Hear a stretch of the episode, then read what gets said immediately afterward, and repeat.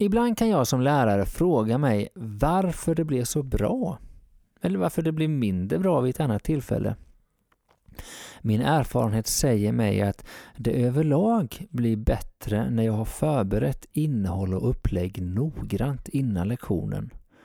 Och jag vill vara en lärare som aktivt och medvetet tänker till under planeringsstadiet och vet vad jag sysslar med.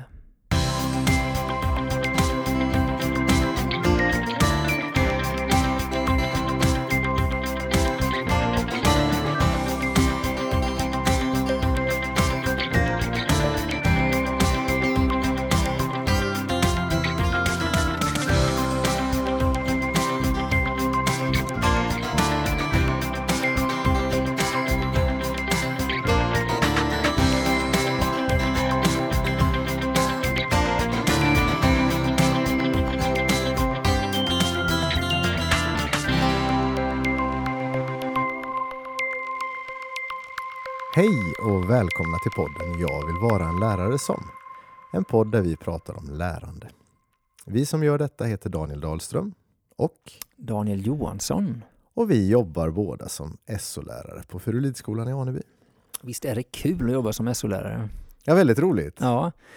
Det är ju kul att jobba som lärare. Ja, Ja. Det, det är det verkligen. Ja. Eh, Sen är det en intressant fråga du ställer här i inledningen.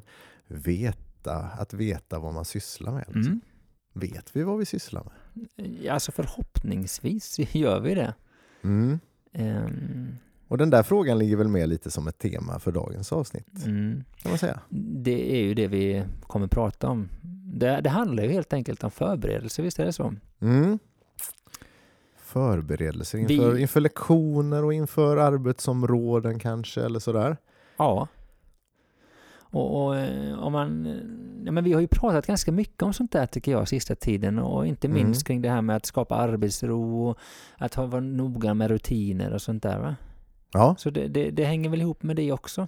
men lite mer fokus på kanske just stoff och innehåll och, och sådär idag. Ja, det blir det ju. Och vi kommer röra oss mellan det allmändidaktiska och det ämnesdidaktiska kan man säga idag. Ja, alltså vi har ju en ansats i den här podden att eh, rikta oss mot alla möjliga lärare och samtidigt är vi tydliga med att vi är SO-lärare. Mm. Eh, men jag tänker att det vi kommer jobba, prata om idag ska säga, det är ju egentligen ett ämnesdidaktiskt fokus på det, men det går att applicera på vilket ämne du än har. När du väl jobbar med, med att förbereda ditt innehåll så måste du tänka utifrån ditt ämne hela tiden. Nu har vi sagt ämne ganska många gånger. Ja. Håller vi oss helt och hållet inom skolans ramar idag? Eh, nej, alltså jag tänker inte att vi gör det på ett sätt. Alltså på ett sätt så är det klart att det, vi kommer fokusera mycket på hur, utifrån hur man förbereder en lektion och sånt där. Mm. Men det Eh, går att bredda l- Ja, det går lektioner. absolut att bredda. Säg att du skulle hålla en föreläsning eller hålla ett eh, träningspass eller hålla något annat där du vill att man ska lära sig något specifikt sådär. Bra. Så behöver du ju veta lite på något sätt vad det är du sysslar med.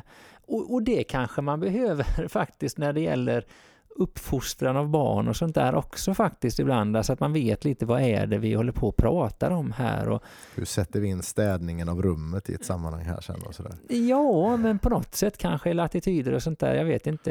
Jag tänker så här, eh, lyssna på det här avsnittet och ta till dig det du kan. Ja, bra. Vi, Ja. vi är inte helt och hållet innanför ramarna. Och, och, och, och någonstans så är det ju det är generella, vad ska man säga, lösningar eller Principer. principer bra. Eh, så. Men du måste sätta det in i ditt sammanhang där du är verksam för att det ska ha någon effekt, tänker jag lite. Så på så sätt så kan man prata allmändidaktiskt då, som handlar om att det rör ja, det allmänna pedagogiska arbetet och det ämnesdidaktiska som blir fokus på ditt ämne. Och rent praktiskt så är det en man som jag inte kände till innan, som du har presenterat mig för nu. Ja. Wolfgang Klafki. Ja, en tysk didaktiker. Ja, Han lever inte längre. Han dog för, eh, ja, nu är det fyra år sedan, det. 2016. F- Född 27. det här är en man du har stött på i, i dina studier nu, Mm, kan vi säga. precis. Det kanske kommer bli så ibland i Ja, podden nu, att ja. du stöter på saker som vi som du presenterar för mig Ja. och som vi blir lite intresserade Ja, av. så kan det vara. Han är ämnesdidaktiker kan man säga, eller fachdidaktik säger man kanske på tyska.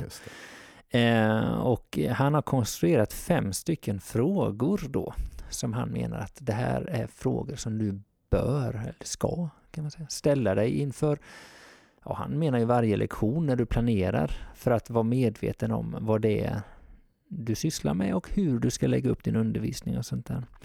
Jag tänker att det är ett förhållningssätt kanske snarare än eh, En checklista. en checklista. Så, va? Och, och, jag har inte själv använt den på det sättet men jag tycker det är intressant att väcka de här frågorna Mm. och diskutera för att få en förståelse för vad vi sysslar med. Och jag tycker det är viktiga frågor faktiskt. Jag tycker det är viktigt att vi vet vad vi sysslar med. Eh, och, och, och vi brukar ibland säga att vi vill luta oss mot läroboken och det som finns presenterat där. Och då är det någon som har tänkt till där, så det är jättebra Mm. att kunna göra Mm. det. Men jag tänker också att jag som lärare bör ha en medvetenhet. Jag väljer också, även om jag använder en lärobok så väljer jag utifrån den. Och jag kanske väljer andra metoder och sånt där. Eller jag, ja, vi kommer till det tänker Man jag. när skulle nästan kunna säga att vi ändå har lite som ett ideal att man som lärare kanske inte ska vara bunden av en lärobok. Nej, Och det här kan ju vara ett verktyg i det sammanhanget att man har ett förhållningssätt som är lite över det där och så ja, att vi ändå lite friare väljer det som passar in i vårt förhållningssätt. Eh, Jag tycker det är lite kul för vi brukar ju säga ibland att vi paketerar modern skolforskning mm. Och, och pratar om och sådär. Här är vi på 1958. ja, men det är ändå senare än Comenius. Det är modern, modern och tid. eh, Aristoteles, så att visst är det modernt. Då är det, har vi slagit fast det att vi, vi breddar begreppet på modern tid lite grann. Ja, jag, jag tror att det där, det, det är en annan, det är ett annat avsnitt. Vi kan prata forskning någon gång kanske. Sådär. Det tycker jag vi ska göra. Ja, Ja, men det är roligt faktiskt att, eh, att vi lyfter fram Wolfgang här. ja, och dessutom en tysk. Det är mycket England och USA när det kommer, och Australien Sant. kanske, Nya Zeeland. Sant? Ehm, mm. Nej, men vi kanske ska nöja oss med introduktionen så och gå på vad det är vi ska prata om. Ja, vi kommer helt enkelt utgå från de här fem punkterna och samtala kring dem. Får vi se vad det landar i.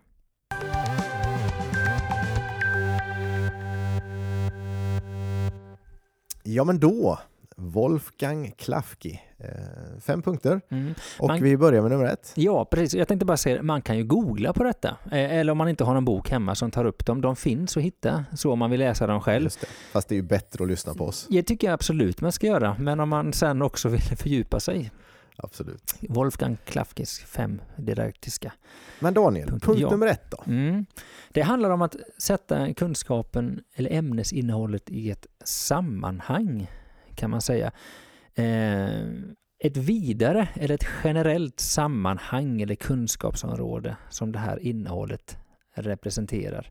Mm. Och jag tänker att vi ofta läser ett ganska så smalt område i skolan när vi läser någonting och då behöver man förstå liksom vad ingår i det här i ett sammanhang. Om vi läser ett speciellt, eh, en speciell epok i historien som kanske är en epok som varar under tio år. Så här. Det skulle kunna vara om man läser en specifik revolution eller ett krig eller så här. Så bör man ju sätta in det här i ett större sammanhang.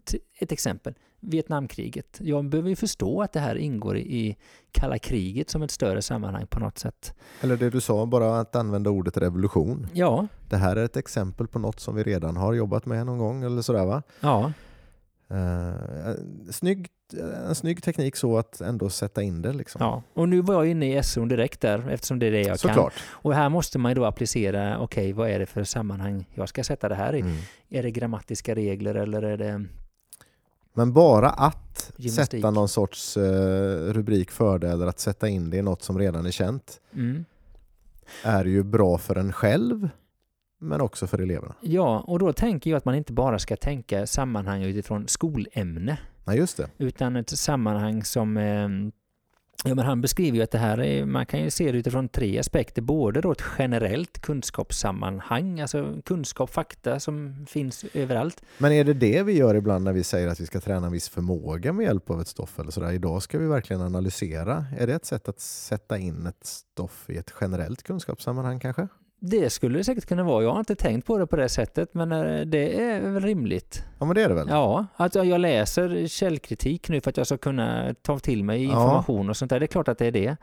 Men sen också att det, Ehm. att det har med något eh, ämnesbundet att Ja. göra kanske. Men också kanske något vardagligt eller sådär. Ja, för det är nästa aspekt då. Så ett Ja. generellt kunskapssammanhang, ett vardagligt sammanhang. Alltså så, om jag ska läsa källkritik så behöver jag ju veta att elever läser kanske förhoppningsvis dagstidningar eller får information på annat sätt. Nätet. Just det. Sådär va.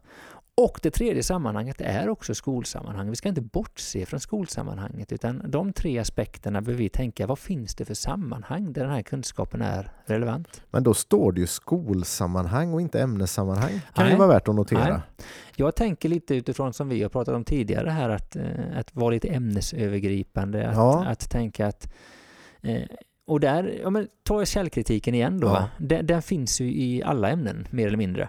Eh, eller vi har ju pratat om det här med, med demokratiska principer. Det finns i alla ämnen mer Och eller rent mindre. Praktiskt så är det en lite större utmaning ju längre upp man kommer i åldrarna ofta.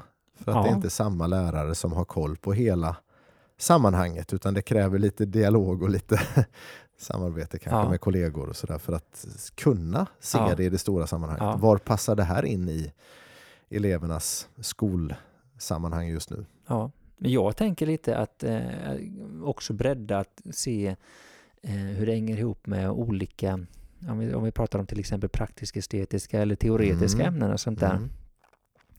Vi gjorde en väldigt snygg grej för några år sedan när vi läste judendom. Ja. När de i hemkunskapen fick tillaga judisk påskmat och sen så hade vi judisk påskmåltid i SO. Alltså att där finns också ett större sammanhang som är ett skolsammanhang. Ja, precis. Men som inte var ämnesbundet utan det fick röra sig lite över. Ja, kan vara värt att klura på. Men, men, men, men den första frågan det är ju helt enkelt egentligen var, var, var, placerar vi den här kunskapen kan man säga? Mm.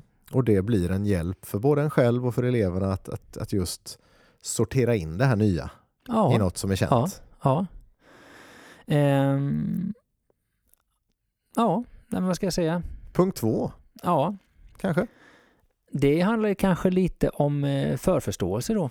Skulle man kunna säga vad eleverna har med sig. För det, där är ju frågan alltså vilken betydelse har innehållet från början i elevernas medvetande? Jag tycker det är en snygg fråga. Ja, Vilken betydelse har det från början? ja. Det är inte bara så här, vad vet de om det, Nej. utan vilken betydelse har det? Ja men precis, och det där är ju faktiskt som du säger, alltså det, där behöver vi ha en viss förståelse för elevernas livsvärld eller för vad de har med sig och Mm, sånt där och vad de precis. har för intressen eller om vi tar källkritiken igen som ett exempel så mm, vad har det för betydelse för dem? De, de nås, ju- många elever idag nås ju av väldigt mycket information Mm. och det finns ju ofta eh, situationer där elever berättar saker de har lärt sig via någon youtuber eller något annat som Mm, kan ibland mm. kan vara ganska så fascinerande och man kan nästan tänka, är det här verkligen sant? Mm. Och det finns också mycket fake news som cirkulerar idag. Va? Så då tänker jag att det här, vad har det här för betydelse för elevernas... Källkritik och källtillit, Mm. ett ord jag har Mm. hört kommer Mm. mer och mer, som också, ja, det är ett lite annat spår. Men, men just behöver vi- betydelsen för dem, ja. Ja. Alltså, inte bara vad de vet om det, utan det kan, man kan ju vara att, så att man vet saker om någonting, men det har ingen betydelse för mig egentligen. Nej. Det, det är ganska tom kunskap. Liksom. Och, Och det, det där handlar- behöver man ju reda ut kanske. Ja. Ja, och då tänker jag att det är eh, alltid bra att kunna utgå från elevernas intressen eller eh, ja, alltså förförståelse på så sätt att, att det har någon relevans. Vi har gjort ett helt avsnitt om förförståelse, så Ja. det hade varit synd om den inte var med. Nej, Men nu var den det. nej men, och lite men, fördjupat. Ja, men, men, men inte bara faktamässig förförståelse utan vad det har för betydelse. Och då kommer de tre aspekterna igen. Ja, I ett generellt kunskapssammanhang, Mm. i ett vardagligt sammanhang och i ett skolsammanhang. jag tänker att det är en hjälp för oss att inte bara tänka vad har de läst tidigare i skolan eller hur ska man det- göra detta för att nå bra på resultat utan bredda perspektivet. Det, Ja, men när jag kikade på vad du hade skrivit ihop om det här liksom, Ja. så var det en sak jag verkligen tog till mig. ja, Jag tycker att det är bra ja, att vi tänker både generellt, vardagligt och skola. ja. För vi ska inte missa skolan heller. Nej, Ibland kan det bli att vi bara tänker att vi läser bara för samhället och för, för livet Mm. efteråt. Eh, Men vi, vi går i skolan. ja, visst. Vi får inte glömma det. Och vi ska klara av det som kommer. Ja. Mm. Ja. Bra. Ja, och då, då tittar man ju på det här punkt två då kan man säga, som vi pratade om Ja. nu. Så vi tittar på vad hade de med sig Just när det. de kom? Ja. Betydelse, förförståelse, sådär va? Mm. Mm. Så då är det alltså just vad, vad är det för något som i vilka sammanhang representerar det här innehållet vi ska gå igenom? Det var nummer ett och så nummer två. Vad, vad har eleverna med sig? Vad har det för betydelse för dem? Mm. Ja, men det är två bra grejer att tänka till om. Vad, vad blir den tredje då? Ja, det är ju vilken betydelse har lärostoffet för elevernas framtid? Okej, så man, man sätter inte bara in det i ett historiskt sammanhang utan också i ett framtidssammanhang här då. Eh, det låter intressant. Ja, men det, det, där tänker jag är en sak som vi nog... Eh, vi, vi möts ofta av den och vi pratade om det förra avsnittet. Ja. Just det här att, eh, att eh, man får den frågan eleverna, eh, av eleverna. Vad Vad, har jag jag ha för det här nytta till? av detta? Ja. Och det är klart, ibland kanske det är svårt att, att förklara det, men jag tror att det är bra om vi faktiskt har tänkt till på det innan, eller tror att det är bra, jag är ganska övertygad om att det är så. Vi, vi behöver vara lite förberedda på att den frågan dyker upp. Och syftestexter finns ju i läroplaner, Ja. eh, sånt där va. Men vi behöver ju veta varför vi läser det vi läser. Varför ska jag kunna hoppa över en blind till exempel? Mm. Eller varför ska jag kunna... Eh, Om det nu görs eh, längre. Ja, det har vet jag ingen aning om så. Men, men, eh, men rytmik i, i musiken, då, varför, varför gör vi det? Vad kan jag ha för betydelse för detta? Och, och när jag säger detta nu så kanske jag motsäger mig själv på ett sätt när jag pratade förra gången om att eh, vi kanske inte alltid vet det. Men, men det kanske i sig kan vara ett syfte. Att eh, kunskap som sådant, eller bildning, eller ja, att det, att det på något sätt kan vara med och, och forma min framtid utan att jag vet det. Förstår du lite hur jag försöker säga? Mm. Ja, men vi resonerade ju lite om det här sist. Och jag tänker också återigen att de här tre aspekterna kan hjälpa oss lite grann. För eleverna kanske fiskar, fiskar efter vad har jag för nytta av det här i min vardag? Mm. Eller möjligtvis vad har jag för nytta av det här i, i skolan i framtiden? Jag ska ju Mm. inte bli eh, läkare Nej. eller sådär. Men också att man kan ha det här då, den första aspekten, ett kunskapssammanhang. Ja. Det här kan utveckla någonting i dig som du har nytta av i ett annat ämne eller alltså och sådär. Jag tycker, jag tycker om de här tre aspekterna även där för att det kan hjälpa oss att faktiskt se, se syftet med det eller betydelsen med det på lite olika plan. Ja, men precis. Och jag tänker också att om du kan starta upp någonting utifrån det här vi sa i punkt två, att vad det har för betydelse för elevernas medvetande, då kanske det är lättare att lita på att eller att vila i att det här kan vara relevant för mig, även Mm. om jag inte riktigt vet vad det leder till. Jag förstår att på något sätt så går det att koppla till min livsvärld också. Mm. Men alltså någonstans så är det ju individer vi jobbar med. Absolut. Och det måste vi vara medvetna om. Jag tänker ofta på det när vi, när vi håller på och planerar undervisning och vi kör mycket som vi har kört tidigare år och sånt där. Och, det, det ska man absolut göra. Det är jätteskönt att göra det, men det finns ju också det här att det är nya elevgrupper och nya Mm. individer. Det får man inte missa. Jag tänker ibland är det svårt att bara plocka ut en perm och köra en lektion rakt av som man gjorde den förra året. Ja, men så, så är det ju. Ja, Och sen samtidigt så kanske det går att göra ramlektioner Ja. ungefär som vanligt. Fast Ja. man måste ju vara medveten om individerna. ja, Och jag tycker att man ändå ofta är det. Att man Ja. vet att i den här klassen sitter det ju de här, den här och den här och den här. Och oj vad de brukar kunna. Eller här är det inte så många som har så bra koll. Eller man, man, man anpassar sig lite. Men man kan ha ramen, ramtänket. Liksom. Ja, men precis. Och en del i detta blir ju att jag... Det, det är ofta svårare att hoppa in som vikarie i en klass när man inte känner gruppen och så. Det kan ju bli väldigt bra undervisning på ett sätt ändå, men när du Mm. planerar någonting att känna till elevgruppen och veta lite både vad de kanske har för planer för framtiden, men också vad de har för intressen, erfarenhet med sig och sånt där. Eh, och samtidigt som vi måste, som vi sa, liksom bredda det perspektivet och se i ett vidare kunskapssammanhang. Tänker jag. Mm. Ja, men då har vi klarat av tre punkter. Ja, kan vi bara sammanfatta dem? Ja men det kan vi göra. Eh, att eh, det, till att börja med pratade vi om alltså det vidare generella sammanhanget liksom, eller kunskapsområde som det här representerar. Vad det passar in. Liksom.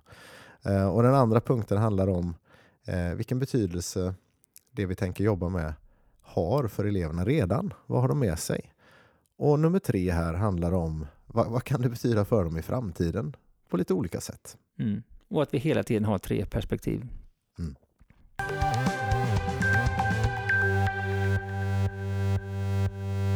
Då är det dags att vi ger oss på de sista två punkterna. Och på något sätt kanske det blir lite mer konkret nu kan man säga. Det andra Mm. var lite förhållningssätt till vad det här kan passa in och sådär. Men Mm. nu kanske vi blir lite mer konkreta i, Mm. i hur planerar man det här då och sådär. Eh, vill du hjälpa oss igång där? Ja, nu, nu, då, då ska man ju utgå från de här tre punkterna lite, ha med sig det när man eh, planerar.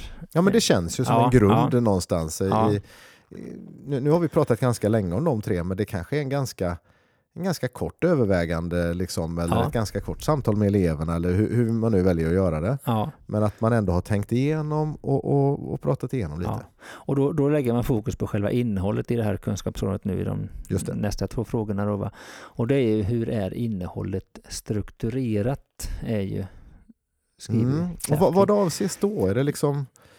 Jag tänker att man ska ha en god eh, kunskap om själva ämnesinnehållet. Man ska veta hur det Mm. är uppbyggt. Man ska vara förtrogen med det. Jag som lärare måste veta. Mm. Jag måste ha goda ämneskunskaper.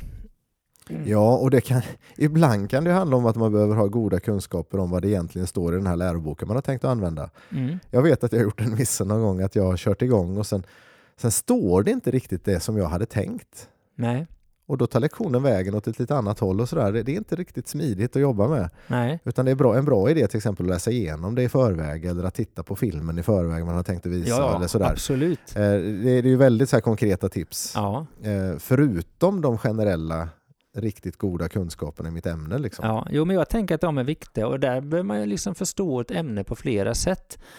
Jag tänker att jag behöver förstå lite om det finns olika, eh, hur ska jag säga, nivåer av kunskap på något sätt. Ja. Eh, Att det finns, ja, det finns ju ren fakta, men det kanske finns en, ett djupare perspektiv i det här ämnet som, som kanske handlar om, ja men ta som historia då, eh, just det här med att både förstå att eh, rent faktamässigt så funkar det så här med historia, men jag behöver också förstå vad historieanvändning är, hur man kan tolka historia och sånt där.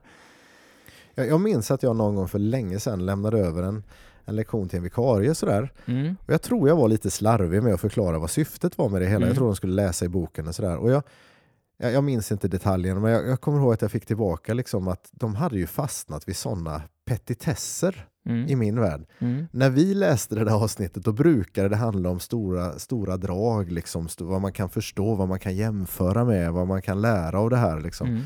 Mm. Och de hade fastnat i vad folk hette och vilka årtal det var och lite sådär. Mm. Och det, det gav mig en liten läxa, liksom, Mm. att det går att jobba med exakt samma sak men förstå det på helt olika Mm. sätt. Liksom, lägga fokus och, och det tror jag har att göra med just att om man har de här goda kunskaperna Mm. om sitt ämne och vad som är viktigt. Mm. Liksom. Jag tänker att eh, om, om jag ska analysera en händelse, hur mycket kunskap behöver jag Ja. kring det här innan? Eh, måste jag läsa vissa saker i en viss ordning för att det ska landa rätt? Eh, Jag vet ibland vi har lämnat ut något papper eh, där de ska träna, ja det är ju jordens länder och sånt där. Mm. Och sen så har de ett schema som de kan jobba med själva. Och jag vet någon gång så sa jag, "Ja, ni kan jobba med det i vilken ordning ni vill. Och så började jag inse när lektionen var slut, det var jättedumt sagt, för det, var, det, det funkade mycket bättre när man gjorde det i rätt ordning. För det var lite genomtänkt att det, Det, skulle ligga i har, den ja, ordningen. det har ju en tanke. Ja, och, det och där behöver man ju tänka till alltså, tänker jag. Det är ju ja. likadant tänker jag i engelska. Man kanske behöver läsa glosorna innan man läser grammatiken, vad vet jag. Eller man behöver träna vissa moment innan man tränar andra. Ja. Att jag har en förståelse för ämnet på det sättet, tänkte jag, hur Just det det. är, innehållet är strukturerat. Eh, Och då behöver jag också tänka till, finns det vissa passager i det här som är lite extra svårt, som vi behöver lägga mer Ja. fokus vid?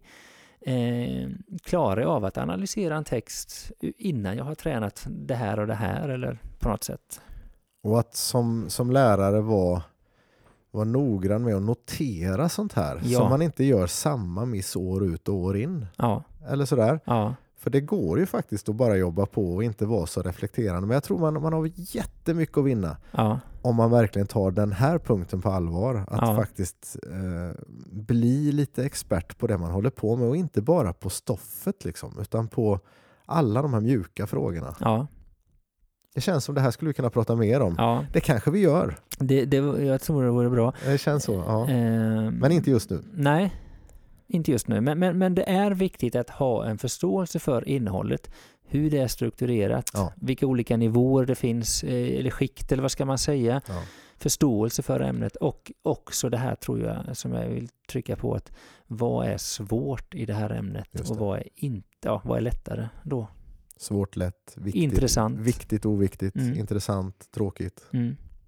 Att veta det. Mm. Liksom. Och där, där kan man ju säga som lärare då när man läser det centrala innehållet i en, i en um, läroplan så kan man ju bli väldigt, ja det är ju väldigt mycket, det är ju Mm. digert innehåll Mm. där. Hur ska jag lära mig att sålla där? Det, det krävs ju någonstans en ämnesförståelse för att kunna göra den sållningen redan där faktiskt. Det gör det verkligen. Mm. Och hur, vad ska jag gå på djupet och vad ska jag ta lite, Mm. lite snabbare? Mm. Mm. Ja, men vi kanske ska eh, jobba oss fram till sista Ja, punkten det är då. egentligen själva metodfrågan då kan man väl säga. Liksom, Ja, men- Hur ska jag undervisa detta? Skulle man kunna sammanfatta det? Står så här i vilka företeelser, fenomen, situationer, experiment, människor, tillfällen eller formella element och liknande från lärostoffet, vardagslivet eller skolsammanhang kan användas för att göra innehållet intressant eller värt att ställa frågor kring, tillgängligt, begripligt och ver- verkligt. Det var ju en smidig liten mening du Ja. fick till här. Men det handlar helt enkelt om att liksom, hur kan jag undervisa om detta för att göra det spännande, intressant, förklara det. Ja. Det finns ju kanske vissa exempel i ett ämnesområde som är väldigt bra att använda sig av, för då vet att det här fångar lyssnaren. Det gör, Kryddorna liksom. Ja, men precis. Eh, Eller, eller det här är en metod som jag brukar använda för att förstå, förklara det här fenomenet. Och det här är en metod jag ska välja bort. Ja. Där behöver vi vara, vara lite, ha en viss urskiljningsförmåga. Att det här, de här metoderna är jättebra metoder men det passar inte för det här ämnesinnehållet. Precis. Ja. Eller tvärtom. Ja. Mm. Och det där är ju... Jag bara känner jag blir inspirerad när jag läser den där, eller när jag hör dig läsa den här meningen. För det här brinner jag för känner jag i min undervisning. Att Ja. plocka på, att samla, samla på, samla på, på, på med de, de här historierna, de här livsen, de här händelserna, de här små texterna kanske ur en bok man, man liksom eh, kopierar upp och har kvar eller någonting så, som är så som jag bara märker fångar eleverna. Liksom. Ja. Eh, De får man ju inte slarva bort och Nej. glömma till nästa år Nej. eller till nästa gång eller sådär. Eh, oerhört viktiga grejer och jag tror att många lärare har sina permar och sina mappar på datorn och sådär där man samlar massa övningar och massa grejer som är Mm. bra att ha. Men jag tycker det är viktigt det du säger där också att, att det, det är ju inte bara, det går inte att slänga in vad som helst Nej. bara för att det funkat i ett sammanhang. Utan det, det är faktiskt specifika grejer. Ja. Det funkar just här kanske. Men skulle jag ta en liknande text till ett annat sammanhang eller så, det kanske blir jättedåligt. Nej. Jag vet när jag läste någon eh, litteratur, eh, eller hur det var vi pratade om, om lärande, att just det här att försöka göra autentiska uppgifter och sånt där. Och jag tänker det skulle kunna vara sånt här, om jag läser Mm. demokrati och sånt där, då kanske jag ska skriva insändare istället för det. bara skriva en uppgift. Jag kanske ska göra en debattartikel, eh, Mm. sådär va. Eh, så att uppgifterna blir så autentiska som möjligt. Det här är på något sätt ett, ett livslångt uppdrag känner Ja. jag som, som lärare. Att samla på sig, att bli klokare, att bli mer erfaren. Men det kräver ju också att man har den inställningen. Ja, Eh, Så, så som vi sa innan, hela det här paketet med fem punkter är ju någon sorts förhållningssätt ja, som vi kan träna oss själva i. ja, Och särskilt kanske den här sista. Vad är det jag kan krydda min undervisning Ja. med för att det ska bli så bra som möjligt? Och, och kräver ett visst engagemang. det kräver ett engagemang och det kräver en ödmjukhet, tänker jag. Liksom Mm. just det här att kunna eh, man säger kill your darlings. Eh, Ja, men Och jag verkligen. tänker alltså när vi arbetar som i ämneslag eller i arbetslag med varandra så berätta om saker som har fungerat och berätta saker som har fungerat mindre bra. Och ibland kanske det är så att jag har hittat en metod som jag brinner för men ibland kanske jag ska avstå den ändå för Mm. den passar inte just nu. Eller någon uppgift som man har en gång i tiden skapade för att den var hyperaktuell just då. Ja, Och sen fem år senare så är den så bra som man skulle gärna vilja göra den igen men den har tappat sin aktualitet. Liksom. Ja. Och då, då måste man kunna ta död på den och ersätta med något annat. Eh, Mm. mm. Intressant och eh, viktigt mm. att fundera kring. Mm. Bra.